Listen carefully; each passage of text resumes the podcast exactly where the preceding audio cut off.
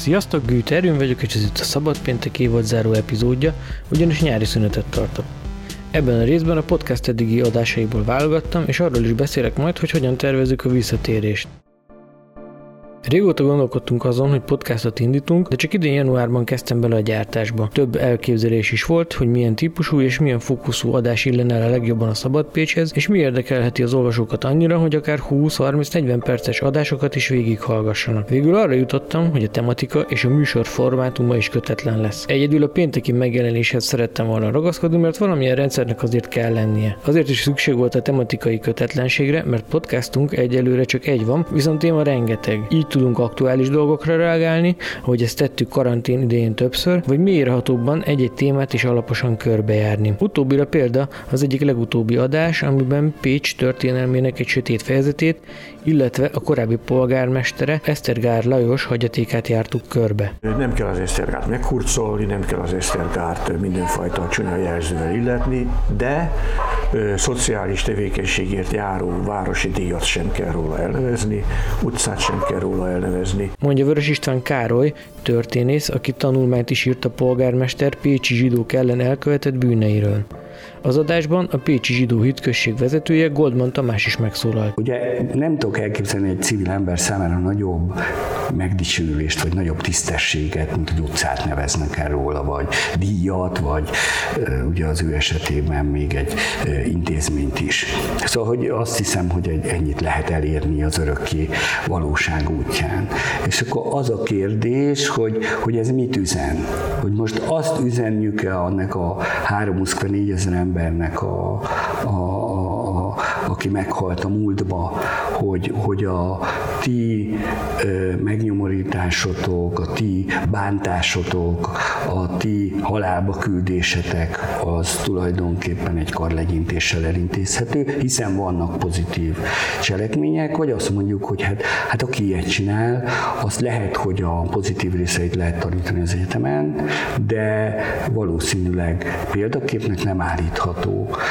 De ami szerintem izgalmas még, hogy, hogy de a jövőnek is üzen, hogy most aki, aki ilyet, egy ilyenben részt vesz, részt vállal, mint a holokauszt, hogy az, az, az ha példakép, akkor tulajdonképpen ez a dolog megismételhető. És persze a témát politikai szintre emelő alpolgármester Bognár Szilvia is elmondta a véleményét az Esztergár ügyről. Én felvállaltam ezt az ügyet, és azt gondolom, hogy érzékenyítés szükséges, mert egy nagyon érzékeny témáról van szó, és mivel ez egy ilyen, ezért egy lépésről lépésre szeretném elérni azt, hogy elfogadják, hogy nem szabad Esztergár Lajosnak névadóként szerepelni a családsegítő esetében, nem szabad, hogy emléktábla legyen a városházán a nevével, nem szabad, hogy a szociális díjunkat róla nevezzük el, illetve hogy megmaradjon az elnevezés a szociális díjunk tekintetében, és idővel, és azért mondom, hogy lépésről lépésre, mert nyilvánvalóan több évben szabad csak gondolkodnom, az utca elnevezést is szeretném megváltoztatni. Az egyik legérdekesebb beszélgetést Pálné dr. Kovács Ilonának köszönhetjük.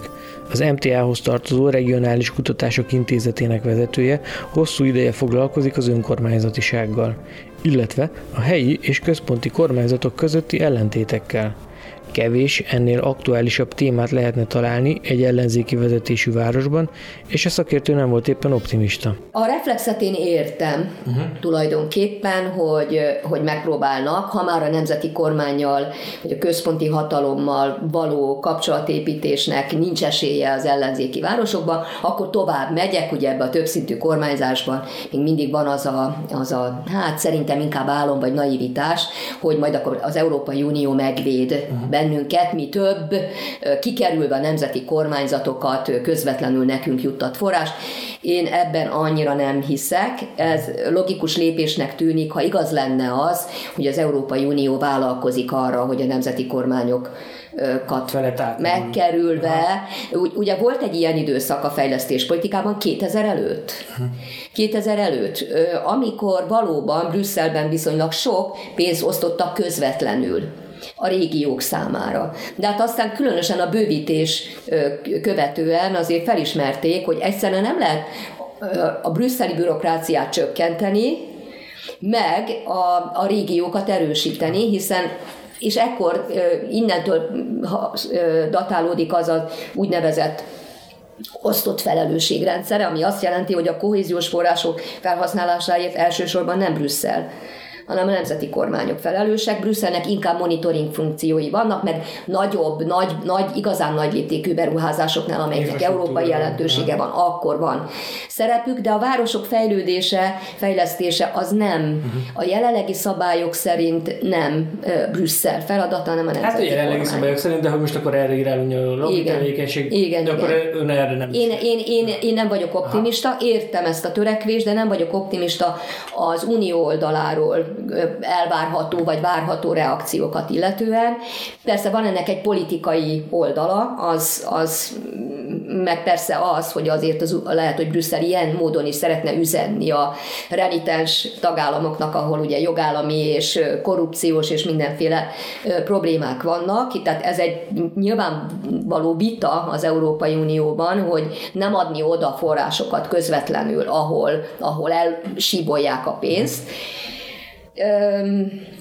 meg nem vonják be az érintetteket, meg sok mindenről lehetne beszélni, ami uniós elvárás, de igazán azért Kelet-Európában nem nagyon, ment ahogy Dél-Kelet-Európában sem nagyon valósul meg. Tehát az uniónak van egy ilyen szándéka, a Szabad Péntek legtöbbet letöltött, meghallgatott adásában dr. Jakab Ferenc, pécsi virológus válaszolt a kérdésekre. Persze nem véletlen ez az érdeklődés, hiszen a koronavírus járvány nem csak 2020 meghatározó eseménye, de az elkövetkező években is éreztetni fogja a hatását. Januárban, azaz másfél hónappal a magyarországi veszélyhelyzet kihirdetése előtt a professzor így nyilatkozott. De még egyszer mondom, azt gondolom, hogy a legfontosabb a karantén és egyéb ö, ö, utazási m, regulációk meghozatala, amit a kínai hatóság egyébként azt gondolom jól is végez.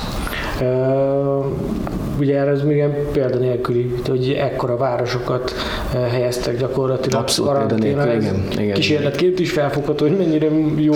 Ez egy nagyon komoly társadalmi, gazdasági és szociológiai kísérlet is azt gondolom, de hmm. nem csak a vírusról kell egyébként beszélnünk, mindenki elfelejti, hogy annak egy ilyen vírusjárványnak őrült komoly másodlagos hatásai vannak.